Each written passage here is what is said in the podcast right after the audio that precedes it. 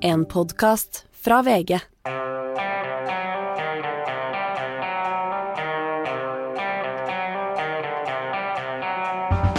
Ikke visste jeg at uh, alle disse dagene som kom og gikk, uh, de var selve uke 38. Uh, nok en, jeg holdt på å si begivenhetsrik, men jeg har lært av vår gamle venn Jonny, typograf i Aftenposten, at jeg skal ikke si begivenhet. Begivenhet er en positiv ting, uh, Hanne. Ja, og det har ikke vært mange positive nyheter denne uka her, men det har vært mye som har skjedd. Ja, det har det. Altså det skjer masse i, eh, i Russland, eh, krigen der. Positiv er jo, selv om man kanskje ikke kaller det begivenhet, at, at eh, Ukraina har klart å eh, jage russerne på flukt, eh, rett og slett. Ja, tenk hvordan, altså Det er helt utrolig. Hvem trodde det 24. februar da russerne gikk inn Ja. og skulle ta Kiev? Og så har ukrainerne bare vist en utrolig motstandskraft. Så det er bra. Det som er skummelt, er jo den mobiliseringsordren eh, Putin har gjort. At han åpenbart har tenkt at jeg får litt sånn eh, Går det an å hitle Putin? Jeg får litt Hitler-vibber eh, på slutten. Litt sånn ondt og gang. Ja, despoten Ja. eh, som bare truer verden. Som blir desperat og begynner å Ja. Og dette har vi snakka om ofte her i podkasten, Anders, at eh, hva skjer med Hva kan en desperat Putin tenkes å gjøre? Og det rykka plutselig veldig mye nærmere denne uka her. ja. Og så har vi da altså et uh, nytt uh, dramatisk, skal vi si, rentehopp. Dramatisk for alle med store boliglån, og det er det veldig, veldig mange nordmenn som har. Blant annet du. Ja, Ja. jeg er i hvert fall i ferd med å få meg et mye større, for jeg holder på å pusse opp hytta mi. Nemlig. Så har du regna på hva rentehoppet vil bety, eller? Ja, det, kan, det er litt avhengig av hvor høyt det går, men det betyr ganske mye. Og det kommer altså på toppen av strømregninger og en prisøkning på var det 6 eller et eller annet sånt. Det er virkelig Jeg husker i sin tid eh, er på, på søndag så er det 50-årsjubileum for eh, det er jo litt en begivenhet for Norges første nei til EEC, eller til EF, det europeiske fellesmarkedet. Skal vi kle oss i svart den dagen, Eh, ja, vi, vi trenger å gå inn på om det var bra eller dårlig, men jeg husker jo at en av parolene var jo nei til EEC og dyrtid. Og nå er det virkelig dyrtid som kommer, altså, selv om vi står utenfor EEC. Ja, og fra alle kanter. Som du Ja. sier, det er mat, det er diesel, eh, bensin, strøm, renta. Det er veldig tøft. Jeg tenker særlig på de unge som akkurat har kommet inn i et veldig veldig hett boligmarked. Og så står det kanskje og skjelver. Noen spår at boligmarkedet også går ned, mens renta går opp og alt annet går opp. Jeg tror det er mange som får en veldig, veldig tøff vinter. Ja. Hva, eh, 19, husker du 1972? Husker du avstemningen? Veldig, veldig svakt. Jeg var jo da seks år. Ja. Jeg husker han avisoverskrifter om Trygve Bratteli. Ja, ja. For jeg var jo elleve. Jeg var aktiv nei. Mor og far min var nei, og vi var nei, og vi kjørte rundt med Men, men mor og far ville ikke bruke slagordet 'nei til salg av Norge', for det syntes de var for drøyt. Men de var, sånn, de var mot dyrtida, i hvert fall. Nei, mine foreldre var nok også nei. Ja. Så ok, så den runden det var, det var den gangen vi var på riktig side i eh, EU-spørsmålet. Eh, Altså den seirende siden i EU-spørsmålet, Hanne. Og da vil jeg bare si, for jeg var nemlig på en eh, jentemiddag i går, og der var det en som hadde, godt voksen dame som hadde stemt nei i 94, og nå angra bittert når hun så hvordan verden så ut. Ja, ikke sant. Eh, Det gir et slags håp for en ny EU-debatt, da. Jeg er redd hun ikke er i flertall, Hanne, men, men sånn er det. Men du, uansett. Krig, eh, energikrise, eh, prisgalopp, rentegalopp, alle sånne ting. Det som jo har preget nyhetsbildet, det er at eh, tre eh, voksne damer eh, prøvde å starte en ny skjønnhetsklinikk på Frogner. gikk ut med dette forrige uke. og Altså Den dagen de trakk seg fra prosjektet, så dominerte det atskillig mer enn både krigen i Ukraina, rentehopp og strømprisene på, på fronten her i VG. Ja, og det er jo Det gikk jo ikke så bra med de damene. Nei. Og jeg tror også at når det dominerer fronten, så er det at det har vært så mye strøm og krig og alt så lenge dette var en Kanskje den nyheten vi lengta litt etter nå, noe helt annet som ikke er så krisepreget, tross alt. Litt uheldig, Jeg skal ikke ta stilling i denne celebre strid, hvor det er veldig sterke, men litt overkill har vel den reaksjonen vært. Det må man kunne, det må man kunne gi uh, Pia Tjelta, Synnøve Skarsbø og, og Vanessa Rudjord. Ja, det var mange som ble veldig, veldig sinte. Ja, og så blir det så masse. Ja. Uh, hele tiden alle mener noe veldig kraftig for det, og, og alle er Og det var dette ordet kvinnehelse, kanskje, som uh, Ja, det var jo hele kjempetabben som gjorde at dette ble, ble så ille for de tre damene. Det er klart, eh, Skjønnhetsoperasjoner og disse tingene er jo et sånt evig tema som er kontroversielt i seg selv, og som mange mener mye om.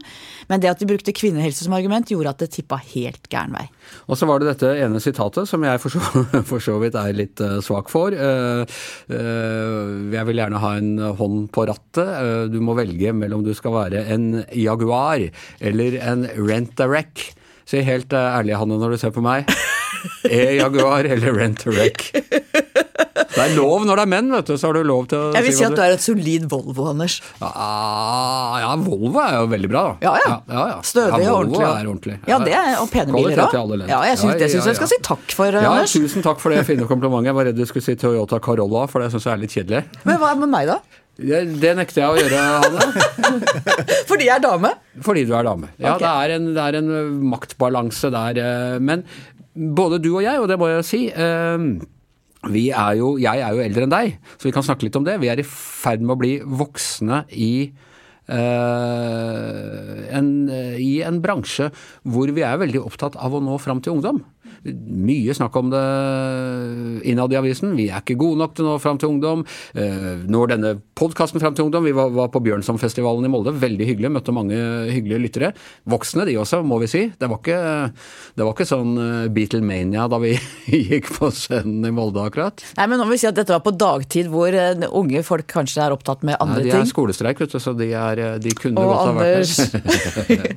Men jeg, jeg tenker for det første så tror jeg at Jeg tror vi har unge Jeg møter ofte unge folk som hører på Gjevrøy-gjengen, bare for å ha sagt det. ok, vi har et svært ungdommelig publikum. Men, men hvordan opplever du uh, Altså, vi har vært med lenge. For meg så er du alltid, og da kan jeg si, du er jo alltid ung. Du er den unge jenta som kom inn i Arbeiderbladet uh, en gang i 1990, og det er nesten sånn at jeg føler at det er litt intimiderende at du har vært sjefen min de siste årene, for du er den unge, unge jenta som kom da som et friskt pust inn i en, jeg vil si, også relativt godt voksen redaksjon eh, den gangen. Men vi er altså begge tilhører den eldre eh, delen av eh, redaksjonen i VG.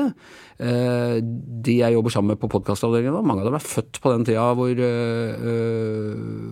hvor jeg allerede var- begynt som journalist. Og det er i en en bransje hvor man da dyrker det ungdommelige og, og, og det vakre og alt det. Hvordan tenker, du, hvordan tenker du om det? For det første tror jeg ikke at det er sånn at de unge bare vil høre og lese unge. Jeg tror at det finnes mange eksempler på at godt voksenfolk, kanskje ikke oss to, Anders, hva vet jeg, men i hvert fall godt voksenfolk også blir lytta til, og at unge er nysgjerrige på det. Og så tenker jeg i enhver redaksjon så er det veldig, veldig viktig med miksen.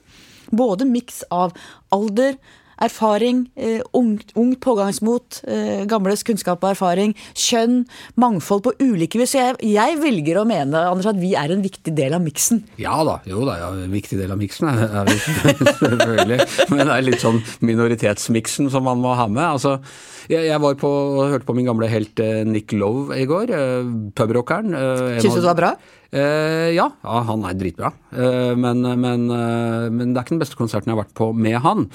Men i hvert fall For det første tenkte jeg at han er en av de få av mine gamle helter som eldes med litt verdighet. Han lager sanger om det å bli eldre og se verden fra nye perspektiver og sånn. mens en annen gammel helt, Iggy Pop, hopper rundt i baris ennå. Da blir jeg litt, kjenner jeg blir litt puteflau av. Men for det andre så var det jo alle på den konserten var omtrent de samme som var på den forrige konserten jeg var med ham midt på 80 80-tallet. det, er ikke noe- noe tilsig, og vi lever liksom i, i vår aldersboble og forflytter den eh, gjennom karrieren. Ja, samtidig så har jo både du og jeg tenåringsbarn, som jeg tror er veldig nyttig når de skal prøve å skjønne alt dette med TikTok og sosiale medier, og hva, som, hva de er opptatt av og hva de ser på. Jeg har sett på gud veit hvor mange dokumentarer om eh, amerikanske rappartister, og kan sikkert mer om det enn mine jevnaldrende som ikke har tenåringsbarn. Men jeg tror nok Du var særlig på Carpe Diem her. Jeg var på Carpe Diem sammen med tenåringen min. Det var Ja, ja, ja, veldig, veldig fint, altså. Så mens jeg går på Nick Love, som er en 74 eller hvor gammel han er, så er du på Jeg er mer på- ungdommelig enn deg, du mer ungdommelig, Men du er jo yngre òg. Ja, mye yngre. Nei, men jeg tenker jo at, at jo mer, altså jo eldre, Jeg har aldri hatt problemer med å bli eldre, det må jeg bare få til å si. Jeg syns hver alder har veldig sine kvaliteter, og jeg kjenner at jeg blir jeg tror jeg blir litt klokere og kan litt mer for hvert år. Og så er det andre ting jeg ikke forstår nå, da må jeg søke hjelp og be om råd. Og så er det, er jo altså, ting man ikke forsto selv da man var ung. Altså, jeg hadde mine gamle sider allerede da jeg var ung, og så er mine unge sider eh, fremdeles. Og så kan du si at ungdommen har, ser ofte ting mer svart-hvitt og er på en måte går veldig hardt ut, og så kan vi være en mer sånn modererende faktor. Så jeg tror tilbake til miksen. Jeg tror at det at du har både en redaksjon og et samfunn hvor alle har sin plass. Og vi har begge to bodd i USA, og jeg tenker at der vi kaster litt for mye vrak på de gamle. Der har du jo geriatrisk avdeling altfor gamle folk, men de verdsetter tross alt liksom kunnskap og erfaring på en annen måte. Jeg tror du har sett også i vår bransje at man liksom skyver ut folk som eh, er egentlig altfor unge til å slutte å jobbe vi må jo bl.a. si at denne, var det denne uka, eller var det forrige uke, så uh, var det et nyhetsprogram i USA som heter 60 Minutes, som satte nyhetsstandarden pga. Uh, uttalelser de klarte å lokke ut av Joe Biden. Og 60 Minutes, det er jo, de får jo oss til å virke som de rene ulvungene. Jeg tror alle der er over 80, Anders. Ja, ja, faktisk. Det er i hvert fall det er, det er en kjempehøy alder. Ok, vi får bare eh, holde med det. Altså, Papiravisa er fortsatt en viktig del av eh, VG-økonomien, og det er også beregnet på oss som har levd en stund, og som var med på å bygge landet. Og Apropos de som har levd en stund. Per Olav, velkommen. Du har jo også Takk. levd en stund. Ja, lenger enn dere to. Ja, til og med lenger enn oss. Mm. Ennå, der skulle du nesten ikke tro det var mulig. Mm. Eh, jeg husker da jeg ble ansatt i VG i 1988, og så ble jeg ført, liksom ledet rundt i huset av daværende sjefredaktør. Da ble jeg presentert som her har vi en ny ung mann. Ja. Eh, og det var jo lenge siden jeg hadde hørt noen kalle meg ung mann. Jeg hadde passert 30 og ja. tenkte at nå var ungdommen eh, forbi. Ja, virkelig. Nei, altså, jeg, jeg, kom inn i pressen som sånn rockejournalist, for det var du vet, sånn ungdommen liker. Rock'n'roll og sånn. Og da er det jeg også, ja. Så sånn går det. All things must pass, som, eh, som George Harrison Eh, som nå er død, eh, sang. Men du, apropos alder og USA og i det hele tatt. Eh, vår gamle venn Donald Trump. Vi oppdaterer ikke så ofte på han som vi pleide å gjøre, men det er aldri et kjedelig øyeblikk med den mannen. Det har vært en ganske dårlig uke for Donald Trump. Det er spesielt to saker da, som plager ham. Det er jo et stort antall søksmål mot ham, og det er prosesser som pågår eh, på ulike nivåer. Um, men to saker denne uken. ene er jo dette, knyttet til dette, disse beslagene i Mar-a-Lago. Hans eh, Hvite hus i tropene nede i Florida. Som nå er der han bor, liksom? ja, ja, og har et slags sånn eh, liksom ovalt kontor. Mm. Eh, I påvente at han kan bli president igjen om to år. Eh, godt og vel. Og, og der tok det jo en del, god del dokumenter. Dette er jo nå i kjent stil så har han klart å forhale denne prosessen litt ved å kreve at man måtte utnevne en slags tredjepart, en, en dommer, til å vurdere disse dokumentene som eh, FBI har tatt beslag i. Eh, nå, men nå har eh, denne dommeren, som er en en kjent dommer i Brooklyn, som har erfaren kar, som har stilt hans advokater overfor ganske tydelige krav. Nå må dere bestemme dere for om dere står ved Trumps mange påstander om disse dokumentene. Eh, og da må de i så fall legge fram bevis for det. Altså, eh, Trump har jo altså sagt at han hadde nedgradert dem selv? Han, han, hadde, han, hadde, avgradert de, og han har jo fortalt Sean Hannity i Fox News at bare han tenker på det i sitt eget hode, så er de egentlig avgradert allerede. If you're the president of the United States, you can declassify just by saying um, it's declassified, even by thinking about it. I declassified everything. Og Det bryter jo en del sånne konstitusjonelle prosedyrer da, som ellers gjelder for andre presidenter. Det er litt sånn Elvis som kunne flytte på skyene og sånne ting. Ja, og dessuten så sa han det var ikke graderte dokumenter der, og dessuten så har FBI plantet dokumenter. Det er sånn som han skriver på i sosiale medier. Og det, når, når, disse advokatene hans og han har... Det er det jeg liker med Trump. Han forsvarer seg sånn jeg gjorde når jeg var desp da jeg var liten. Ja, jeg har ikke, jeg har ikke fått noen hjemmelekser, og dessuten så, så spiste en bikkje skolebøkene mine, og, så ble jeg påkjørt på vei hjem. Altså, du, du Nettopp. Advokatene hans er på en måte litt unnvikende her, fordi at de står i retten, og de har under ed sagt at eh, de må avlegge ed før de forklarer seg i retten. Og de har vært ganske unnvikende når disse spørsmålene har kommet opp. Og nå, nå krever dommeren eh, et svar på om de står ved disse påstandene om hva som egentlig er i disse dokumentene. Eh, og det må de svare på i løpet av neste uke. Eh, så der er det et press. Eh, fordi en ting er hva du kan si og skrive eh, på, i sosiale medier, men noe annet er det du sier i retten, hvor du faktisk har eh, avlagt ed på at du skal snakke sant. Eh, og så er det den andre saken. Det er jo den saken som pågår i New York, hvor statsadvokaten i New York har nå still, vil stille Trump for retten, og også hans Saksøker Nettopp. Og hans tre eldste barn i tillegg, for bedrageri i forbindelse med hans forretningsvirksomhet, da, og dette går over eh, ti år. Og det handler om at han har grovt overdrevet verdien av egne eiendommer og formue for å oppnå gunstige lånebetingelser. The complaint demonstrates that Donald Trump falsely inflated his net worth by billions of dollars to unjustly enrich himself and to cheat the system, thereby cheating all of us. Hvis eh, denne statsadvokaten i New York, som da man skal kanskje nevne det, hun er jo demokrat. De, velges, de velges jo på et politisk plattform i USA. Eh, hun eh, har jo stilt krav da om at han skal betale tilbake 250 millioner dollar. Som er det de mener han på en måte Det er det beløpet de har kommet frem til, som han urettmessig skal på en måte ha fått. Eh, og så eh, vil de da også eh, gjøre at han ikke kan drive forretning i fem år i New York. Og hans barn kan heller ikke noen gang ta ledende stillinger som i forretningslivet i New York. Hvis hun får det som hun vil, og hvis det kommer. De har allerede flytta til Florida, så det klarer de nok å omgås. Ja da, men noe av kjernen i virksomheten i Trump-imperiet lå jo selvfølgelig i New York. Ja. Og, og, i New Jersey og Atlantic City. Og, ja. og dette er jo saker som uh, på den ene side er en stor belastning for ham denne, med disse dokumentene. Det er, eh, det kan, det, her, der er han altså mistenkt for å ha brutt spion spionasjeloven ja. og for å hindre etterforskningen. Og det er jo ganske alvorlige. Men han er ikke siktet der i den saken, men det er det de, han er mistenkt for. Det er jo veldig alvorlig. Og det andre er alvorlig fordi at det rører ved grunnlaget for mye av hans forretningsvirksomhet. Eh, og så er det jo slik at alle disse sakene, og alle de andre som vi ikke rekker å komme inn på her i dag, tror jeg ja, Men de, eh, opp, oppfordring til uh, ulovlig revolusjon De koster penger. Ja. Altså Alle disse sakene koster penger. Han må holde seg med advokater, han må ofte betale utgiftene. Han må nå betale utgiftene for denne tredjepart-dommeren i Brooklyn som hans som han insisterte på man skulle få inn. Så, så alt dette koster penger også. Men eh, da, jo, da, er det jo én grei vei ut av dette, hvis du har så mye trøbbel. Hvis du eh, blir president i USA, har du ikke da immunitet mot den type etterforskning? Jo, og det kan jo være et, eh, enda et eh, ytterligere argument for at han faktisk stiller til valg eh, om to år. Ja. Og vi ser jo at han alltid setter sin egen interesse før alle andres, inkludert nasjonens interesser. Ja. Så på mange måter eh, har disse tingene pushet ham nærmere å proklamere sitt eh, kandidatur, da. Ja, det er jo nesten vanskelig å forestille seg at han har tid til å drive kampanje, som han jo faktisk gjør. Eh, Riktignok for andre kandidater nå, men også for seg selv. Ja, ja, altså, og, han er, og, han, og han er også, det er også viktig for ham å ha disse store møtene, og det er også viktig for ham å samle inn penger.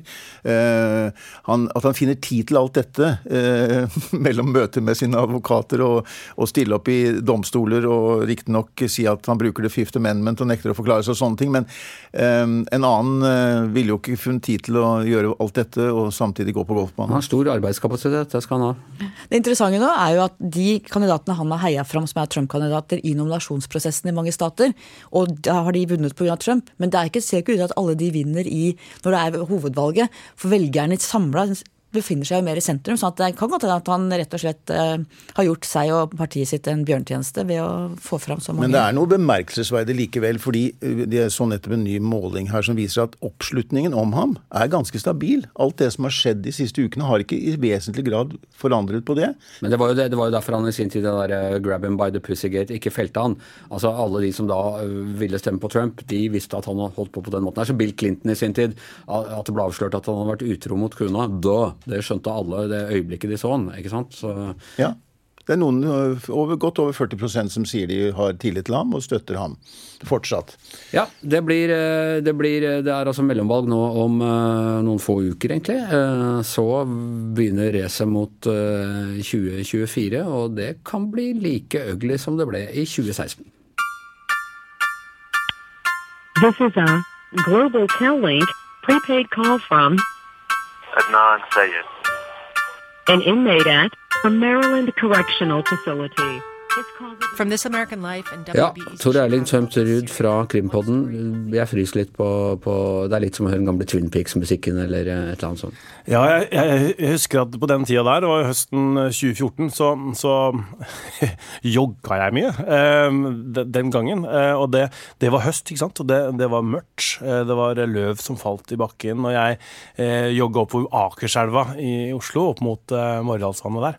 Og, og, denne musikken kom. Jeg syns det var helt utrolig bra, uh, og tenkte at uh, dette må vi gjøre i Norge òg. Ja, dette var jo altså da åpningen fra, for, dere som ikke kjente den igjen, eh, eh, podkasten Serial eh, fra, fra This American Life i USA. Historien om Ayan Sayed, som var 15 år tidligere var blitt eh, fengslet, fengslet, tiltalt og dømt for drapet på, på kjæresten sin. Mm. Eh, og det var en podkast med en eh, kvinnelig journalist som jeg tror ikke hadde noe særlig krimerfaring, og bare gikk på saken med helt friske øyne og prøvde å oppklare Han hadde nekta hele veien og prøvde å oppklare hva som hadde skjedd. Serial er jo på en måte alle true crime-podkasters mor. Den er lasta ned over 300 millioner ganger verden over. og, og laget jo en helt ny retning når det gjelder hva skal vi si true crime-journalistikk. Det som er veldig spesielt, eller egentlig ikke, for det er egentlig en gammel uh, fortellerteknikk. Uh, det at du drar med deg uh, den som hører på, publikum, ikke sant, mot en retning. Kan det være sånn at han er skyldig? Nei, det er ting som ikke peker på at han er skyldig. og så Du drar med deg publikum i en sånn slalåmgang. det er en dramaturgi som vi kjenner fra serier, fra filmer, fra litteraturen, men som ikke ble brukt nå, iallfall, i journalistikken.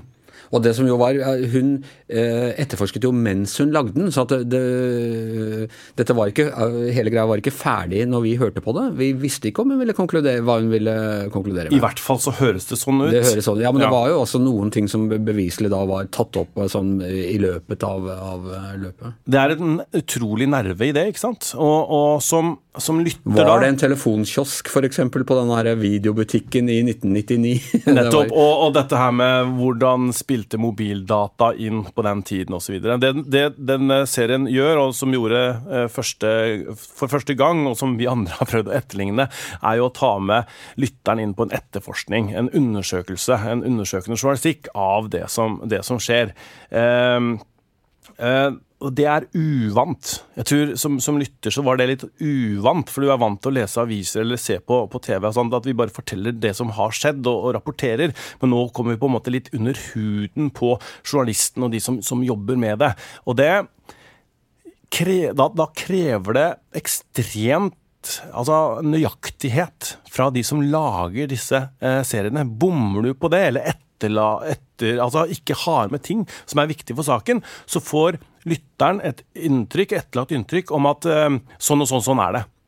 Og det som kanskje er feil, som vi lyttere uh, gjør, er at vi tenker på saker som svart-hvitt. Vi gjør oss opp vår egen mening. Han må være skyldig, han må være uskyldig, uh, og sånne ting. Men så veit vi at i jussen og i den virkelige verden så er jo ikke ting svart-hvitt. Det er veldig mye som spiller inn, det er nyanser hele veien. Så der har de aller beste true crime-produsentene lykkes. Men så er det mange som kanskje har feila. Og så må vi altså si at uh, denne saken ble jo da uh, Man åpne, gjenåpnet noen etterforskninger og, og sånne ting ved, ved uh, statsadvokatens kontor i var det Baltimore, Maryland dette her skjedde. Mm. og denne uken så ble altså Ayan Sayed satt fri pga. etterforskningsfeil. spor som ikke, beviselig ikke var blitt fulgt opp, og, og, og, opplysninger Forsvaret ikke fikk den gangen. Det betyr ikke nødvendigvis at han er uskyldig, men altså de, de gjenåpner etterforskningen. og det minner, ja. Minner, jo om en sak her i Norge, dette her. Absolutt. Den minner veldig om Baneheia-saken. Den skjedde jo omtrent på samme tid, ikke sant. Og, og, mobildata. Og mobildata er viktig eh, i sakene. Eh, han har blitt, eh, Adnan Sayed har blitt sluppet fri, men han sitter hjemme i arrest. Han har sånn slags husarrest. Eh, I påvente av en ny rettssak. Det de har funnet ut, er jo at, at, saken den gangen ble bygd på feil premisser, så det ble gjort feil eh, i domspremissene der. Eh, og så har det vel kommet noen nye beviser som kan peke på alternative gjerningsmenn, som det ofte gjør hvis, hvis man åpner en sånn etterforskning. Det var jo da fortsatt ikke dra parallellene til banen for, eh, for langt, men det var jo to eh, kamerater, eh, og det var vitnemålet fra kameraten hans som eh, nok var det, var det mest avgjørende da, da han ble, ble, dømt i 1999, eh, var det vel. Ja, det er spennende å se, for at USA har jo Innocent Project annet i USA er svært. Den har pekt på mange personer som er feilaktig dømt i amerikansk rett, og de har vel gjenåpna jeg tror det er over 300 saker eller noe sånt. Det er ganske høyt tall i hvert fall, som man har pekt på at det er feilaktig dømt. Eh, så må vi også si at eh, ikke bare, altså podkast var jo da eksisterte før dette, men eh, det forandret jo ikke bare true crime-sjangeren, det forandret ditt og mitt liv, for å være litt dramatiske. Vi hadde ikke sittet her nå, eller kanskje vi hadde gjort det, men det hadde vært en annen vei inn i hele det Plutselig skulle alt være podkast. Ja. Og, og litt med den samme utgangspunktet. Vi startet altså Giæver og Joffen den gangen. Eh, Magne og, og Fridtjof og jeg og kommentaravdelinga. Med en sånn idé om å gi et lite innblikk i hvordan man tenkte journalistisk i kommentarjournalistikken. Og du var med på å lage denne Uløst om eh, Birgitte Tengs-saken. En, mm. en, sak som også har hatt uh, utvikling siden den gang. Og som også ga et innblikk i uh, hvordan journalistisk eller krimjournalistikken fungerer fra innsiden. Mm. Hvordan man tenker. Og det var helt åpenbart inspirert av uh, Serial. Uh, VG ville lage en norsk versjon av Serial, og så valgte vi da Birgitte Tengs-saken, som jo har eh, vist seg å, å, også få konsekvenser, ikke sant. Ikke kanskje pga. denne podkasten, men all, all, oppmerksomheten og en ny etterforskning i saken, som nå har ført til at en ny person er sikta eh, for drapet på Birgitte. Ja. Så podkastene de forandrer verden, de rett og slett. ja, det har forandra ditt og mitt liv, og kanskje noe av verden, Anders. Eh, det som er eh, riktig å si om det, er at, eh, at eh, disse sakene har blitt belyst på en god måte, eh, ofte. Eh, og så er det disse fallgrubene som jeg var innom, at hvis du ikke er flink nok som journalist, da, eh, og på en måte ser på den ene siden og på den andre siden, og, og på en måte har dokumentasjon for det du bringer frem, og ikke bare spekulerer eller bringer frem rykter, så, så, så har det noe for seg. da. Jeg får nesten litt inntrykk av at det er knapt dømt en skyldig person her i, dette landet. Alle er egentlig uskyldige når du ser nærmere på saken. Jeg tror Hvis du spør alle som er i fengsel, er det ikke sånn at uh, er du uskyldig eller uskyldig, så svarer alle uskyldig. Men uh, det er ja, spøk til side. Jeg tror at uh, man skal være litt forsiktig ja, med å velge disse sakene som man skal lage true crime på. fordi at, at i Norge så har jo tross alt rettssystemet vært bra, og politietterforskninger har også vært bra. kvaliteten på det har eh, stort sett vært eh, bra. Men så har du disse eksemplene som vi ser nå, som, som hvor ting har gått galt. Ja, og hvor ikke bare politiet har tatt feil, men også eh, vi i mediene har gjort feil. Og det har også vært en vik viktig ting at mediene selv har, har, våget å se på sin egen rolle. Ja, det kommer jo nå. Det, jeg tror f.eks. etter Baneheia nå, så kommer det vel en slags en granskning av pressens rolle også. Ja granske pressen, det, blir, det er aldri noe vakkert skue. Men Nei, men jeg tror det, det, skal gå bra. Jeg tror vi har masse å lære av det. Det tror jeg også. Viva l'Italia! Viva Fratelli d'Italia! Viva il centrodestra! Grazie! Det er valg i Italia til helgen, øh, og av den lange smørbrødlisten med fristende partier å stemme på, så er det ytre høyretrioen Italias brødre, Ligaen og Forze Italia, eller Fremad Italia, som ligger an til å vinne en komfortabel seier øh, ved valget. Og dronningen av denne konstellasjonen, det er altså Georgia Meloni, som kan bli den første ytre høyre Eh, statsministeren i Italia siden jeg tør nesten ikke å si navnet, Yngve, Benito Mussolini? Ja, hun i hvert fall eh, kommer fra et parti som har røtter tilbake til Mussolini. Eh, ikke bare som Sverigedemokraterna, ja. Georgie Meloni hun er veldig opptatt av å ikke bli definert som eh, fascist. Hun har gjentatte ganger liksom tatt avstand fra fascismen og hennes, altså forgjengeren. Uh, i det partiet som hun var med uh, og, og, stifta, så, så, var det en som heter Gianfranco Fini, som var, var, partileder. og Han var også veldig opptatt av å, av å liksom, bryte med, med fascismen. Men så er det jo sånn at uh, hun også er veldig god på dobbeltkommunikasjon. Flere ganger så har hun sagt det i samme setning som at hun tar avstand fra fascismen. så er det som sånn at uh, vi skal aldri glemme hvor vi kommer fra, vi skal aldri glemme hvem vi er. Altså Det er en sånn klassisk dobbeltkommunikasjon. Det, altså, så blir jeg konfrontert med det, så nei, det betyr at vi, at vi er italienere. Vi skal, vi skal ikke glemme at vi er Ja, er ikke det en eh, grei ting? Altså, Jo da, men det, det, det er flere ting her. ikke sant? Altså, bare den logoen til partiet Fratelli d'Italia, som da betyr Italias brødre, også navnet på nasjonalsangen, altså det som vi skulle hatt et nasjonalkonservativt parti i Norge som heter Ja, vi elsker. Altså, bare der så begynner det jo. De har en ungdoms, ungdomsorganisasjon som heter Nasjonal Ungdom. altså Det, er- det mange lag her eh, som kan minne om både det ene og andre.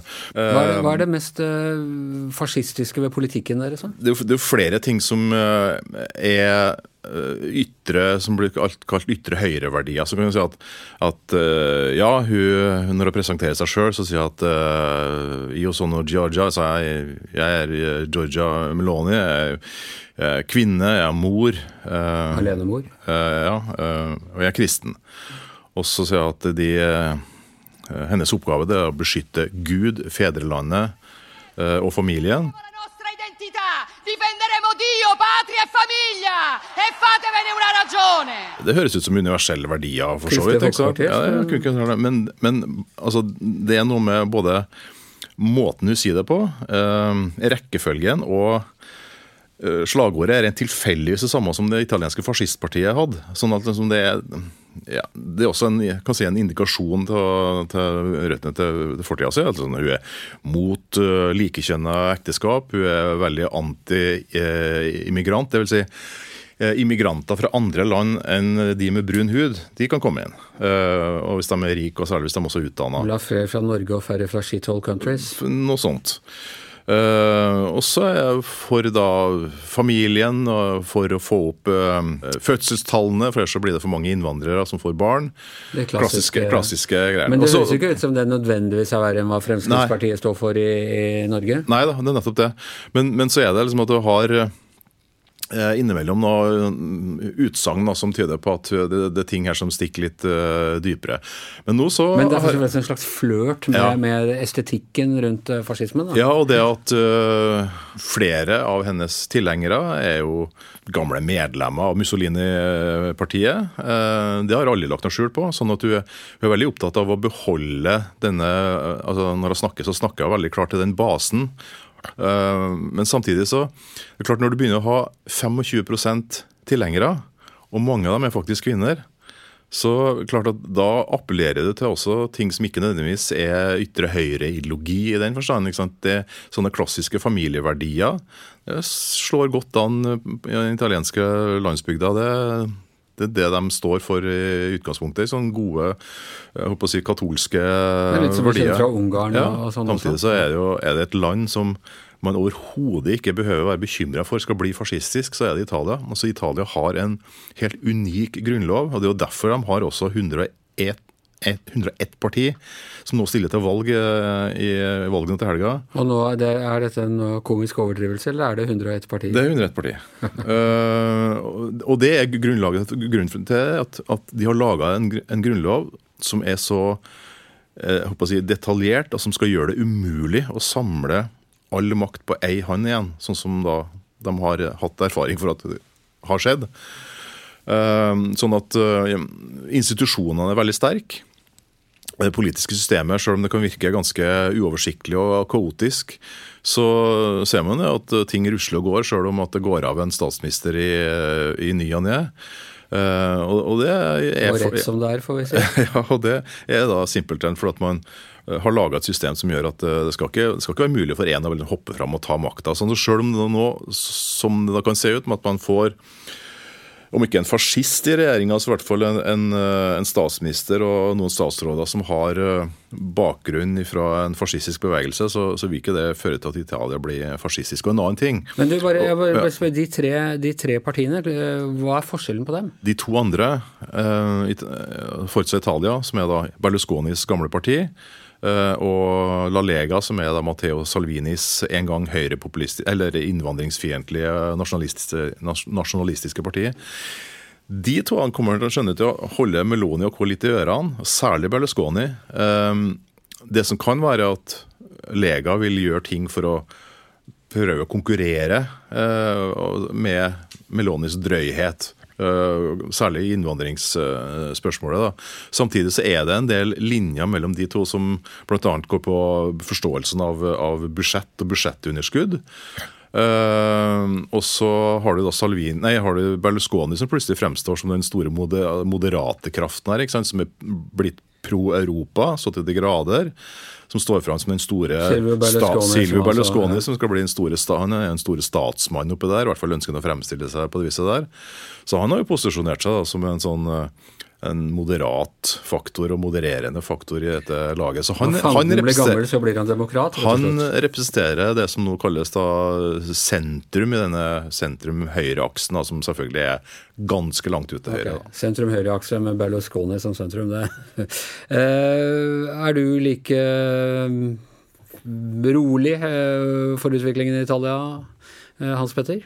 Eh, ja, altså jeg, Yngve kan jo dette mye bedre enn oss andre. Du snakker italiensk og du er veldig opplest på alt som foregår der, så, så er det så vanskelig å på en måte overprøve det. Men det er jo, det er jo litt eh, Det er jo litt creepy å tenke på at det her er en såpass direkte forbindelseslinje til, til gamle dagers eh, diktatoriske, autoritære linje i Italia. Altså, så, så er jo ikke Jeg syns jo det er litt jeg blir litt beroliget av å høre på Yngve her, men, men, men jeg må jo si det er ikke noe Også i forhold til at vi i Europa nå sitter igjen midt i en krig, ikke sant? Og, og hvordan de, de her forholder seg til Putin. Salvini, som Yngve snakket om her, var, gikk jo rundt og sprada i en sånn Putin-T-skjorte her for en eh, par år siden. På Den røde plass. På Den røde plass. Så spørsmålet her er hvordan, hvordan vil en sånn regjering da eh, forholde seg til den, den ganske sterke enheten i EU foreløpig da, i forhold til å stå imot eh, Pu- Putin? Og så er det jo, eh, jeg mener, eh, jeg vokste opp med eh, altså aldri mer eh, dead, begravet i, under sand og ruin i en bunkers i Berlin. Fascismen vil aldri komme tilbake. Den utgjorde aldri noe annet enn et slags ordensproblem. Eh, aldri noe politisk styrke på noen som helst måte. Nå er det altså selveste Italia en, en høyreradikal eh, trio. Eh, et tidligere nynazistparti er et av de største i Sverige. Eh, du har antidemokratiske høyre eh, i eh, Ungarn og, og flere andre steder. Det er urovekkende, er det ikke? Ja, det? er helt, jeg er helt enig med Hans Petter at det er ganske eh, creepy. altså. Men, men akkurat når det gjelder det altså dere, altså ita Italienerne har en litt annet forhold til fascismen og det uttrykket og det begrepet enn enn- enn hva vi har. Det må jeg bare si. Uh, Og fascismen var ikke på, godt og på godt og vondt, ja. Eh, men det som er da med, med mm, Fratelli Italia, Italias brødre, det er liksom at det er helt åpenbart at det har nyfascistiske røtter. altså det, det kommer i direkte linje fra et parti som ble starta av Mussolinis venner i 1946. Altså, det, altså det er ikke noe tvil om det. Så har de eh, hatt et, et oppgjør da, rundt 1995 da, hvor de da endrer navn til Nasjonalalliansen og, og, og sånn. Gianfranco Fini bryter med eh, Eller gir uttrykk for at han bryter med fascismen. og sånt. da.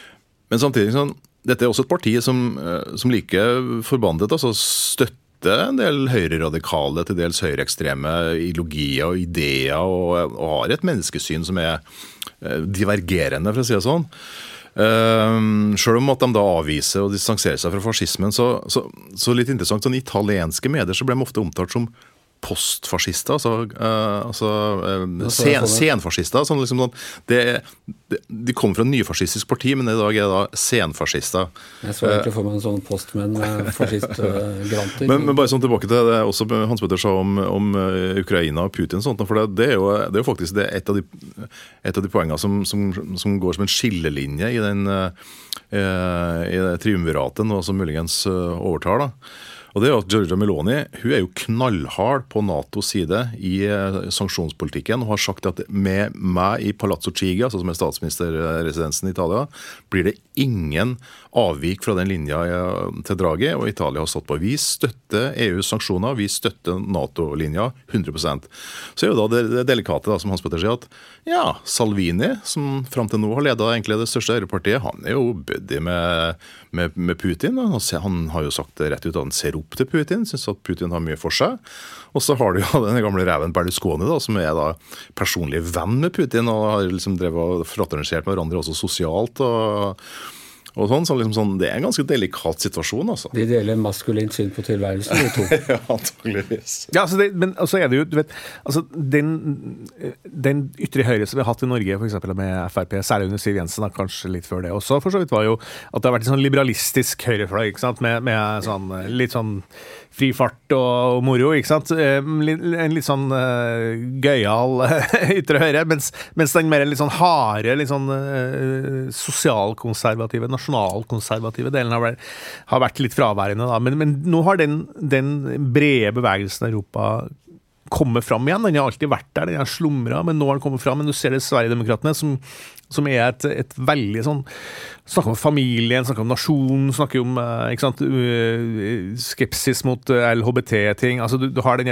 som, som, du finner igjen også i, i Urban, men også hos Putin. Og hos Trump. Og hos Trump, ikke minst. Og, og, og det er klart, hvis, hvis den delen av ytre høyre får vind i seilene framover, så, så, kan det bli, bli ganske uh, utrivelig for ganske mange. da, fordi vi, vi har jo, som du sier, sant, trodd at vi har kommet et, steg videre fra liksom uh, med de frigjøringsbevegelsene vi har hatt, da, også på, på f.eks. i forhold til LHBT og sånn. hvis det møter Og i abort for eksempel også. Hvis, hvis, det møter større motstand fra en stadig større um, politisk bevegelse, så, så, kan det bli ganske utrivelig uh, framover, uh, selvfølgelig. Altså, og, og, i tillegg, sant, det er jo rene demokratisynet. Ikke sant? Ja. Det her er mer autoritært i uttrykket. da. Som, som Meloni har sagt, at, at liksom, forsvaret av grenser er viktigere enn forsvaret av sivile rettigheter. Det, liksom, der har du det, altså. Når øh, det er på søndag valget er, og, og, det er helt sikkert at det er disse tre som på en eller annen måte kommer til å altså det, regjering? Er de som ligger best an, øh, altså den blokken da, som ligger best an på, på meningsmålingene. De har nå en slags blå valgallianse som gjør at de øh, har nå mellom 45 og 47 prosentpoeng på meningsmålingene. Nå kan jo det endres. Det er også 20% som sier at de ikke har bestemt seg. og Eh, vi har jo sett det tidligere at både meningsmålinga tar feil, og særlig i Italia så er det sånn at det de partier som segler opp sånn, sånn super, eh, som supervinnere, så vi hadde det med Beppe Grillo og Femstjernersbevegelsen, de har ofte en, si, en, såpass spesiell velgerbase. Og det viser seg også når de da får valgt inn i Underhuset kandidater som egentlig ikke er politikere så imploderer det her etter hvert. sånn at De, ikke, de risikerer jo rett og slett å bli handlingslamma. Så Det som, det paradokset med Italia at de, de, står kanskje foran den mest innovative eh, situasjonen i politikken på, på, veldig lenge. De kan få så den, den første kvinnelige statsministeren. Og så er paradokset at vedkommende kan eh, sette landet mange år tilbake i tid pga. hennes reaksjon. En kvinnelig statsminister som leder altså Italias brødre. Ja. Det sier jo sitt. Ja. Ja. Eh, men det er nettopp det jeg liker aller best ved ytre både høyre og venstre, at de er så gode til å krangle seg imellom. At det er eh, De har unntaksvis eh, klart å få makt. Til gjengjeld har de gjort mye ut av seg da. Og dermed er Giæver og gjengen over for denne uka. Tusen takk til Hanne Skartveit, tusen takk til Per Olav Ødegaard, tusen takk til Tor Erling Tømterud, tusen takk til Hans Petter Sjøli, tusen takk til Yngve Kvistad. Jeg heter Anders Giæver, og mannen som sørger for at fascismen ikke kommer inn i dette studioet, i hvert fall, er som vanlig vår produsent Magne Antonsen.